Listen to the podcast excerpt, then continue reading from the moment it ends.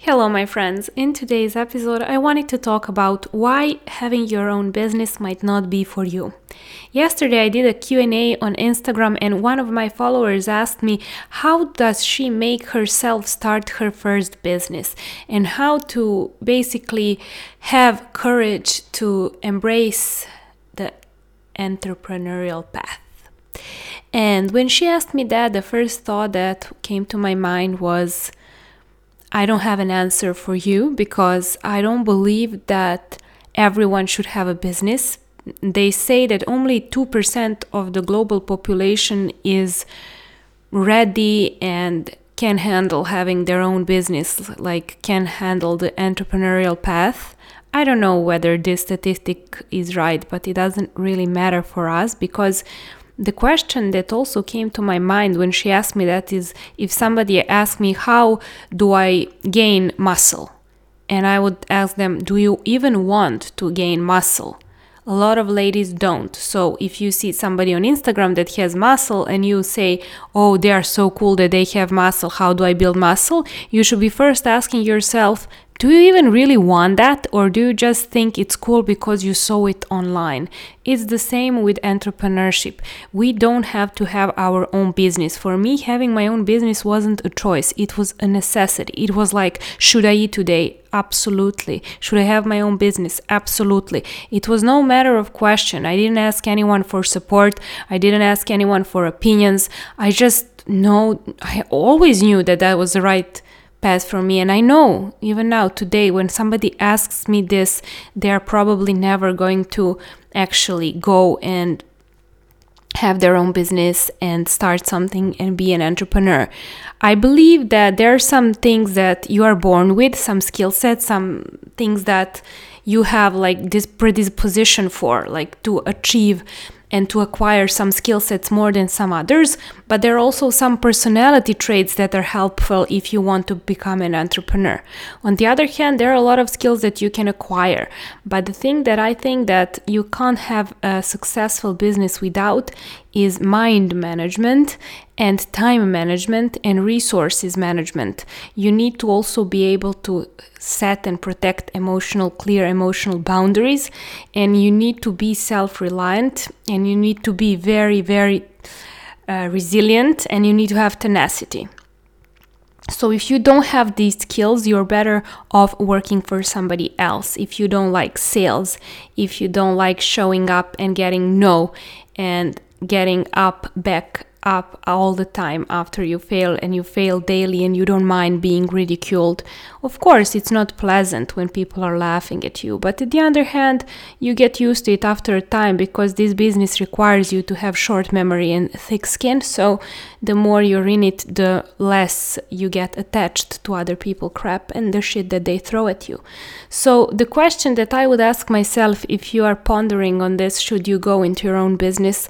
If you're not absolutely sure, like, hell yeah, it's my life's mission to do this, it's my vision to be an entrepreneur since I was forever, like since I was a kid. It's it has always been my dream, and you you don't have like a clear idea the problem that you're trying to solve to a clear audience, maybe this is not for you because you can be perfectly happy or even happier in some other job.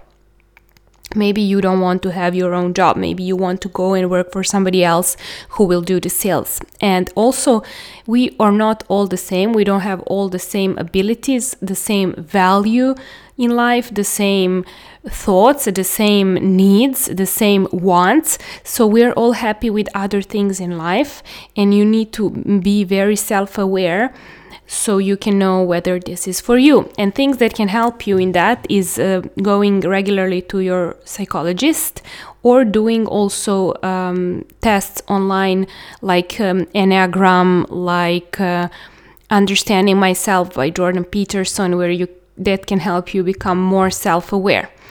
And also things that are pros when it comes to having your own business uh, and cons. I want to mention some of them so they might help you to see whether this is for you. Good thing about having your own business for me is that I'm always 100% responsible for everything. And this is basically extreme ownership, as Jocko Willink likes to say.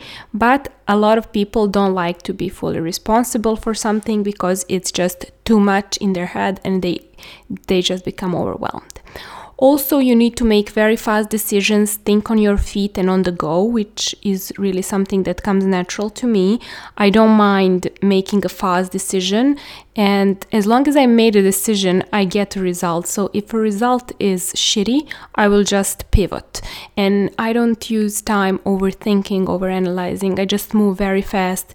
I make a lot of shit and I also do some things that are legit. So that's my philosophy since I was a child.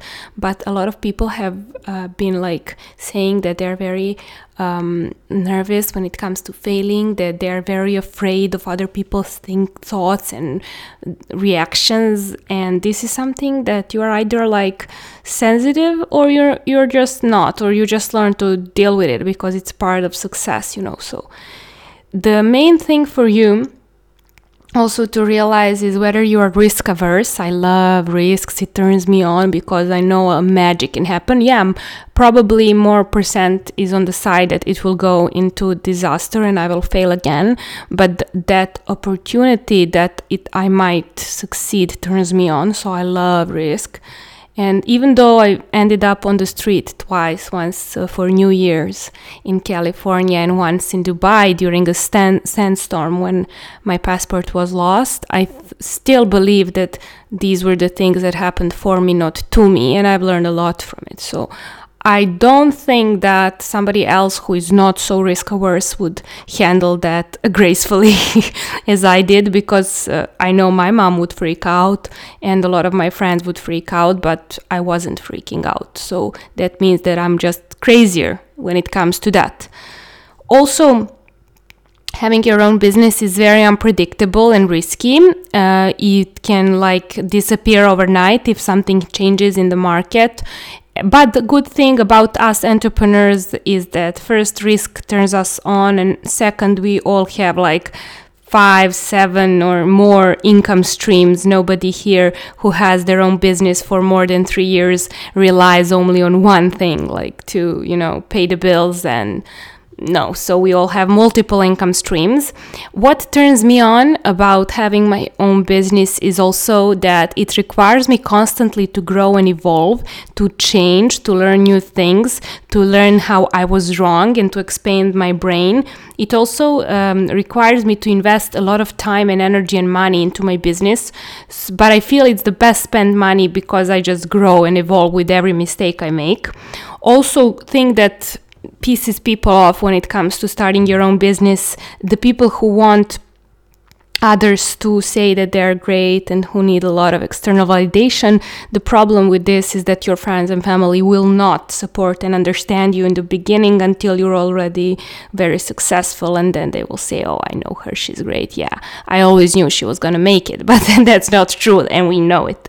So Another thing also that for me is great is that you are the only one who sees the vision because vision is futuristic. It is also probably innovative, idealistic, and a lot of people laugh at you all the time and call you crazy.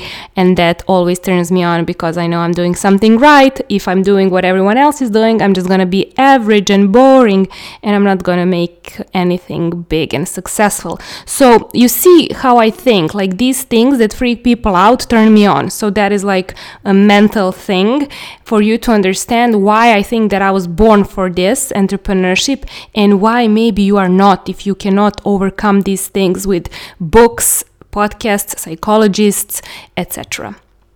So I want to just repeat myself.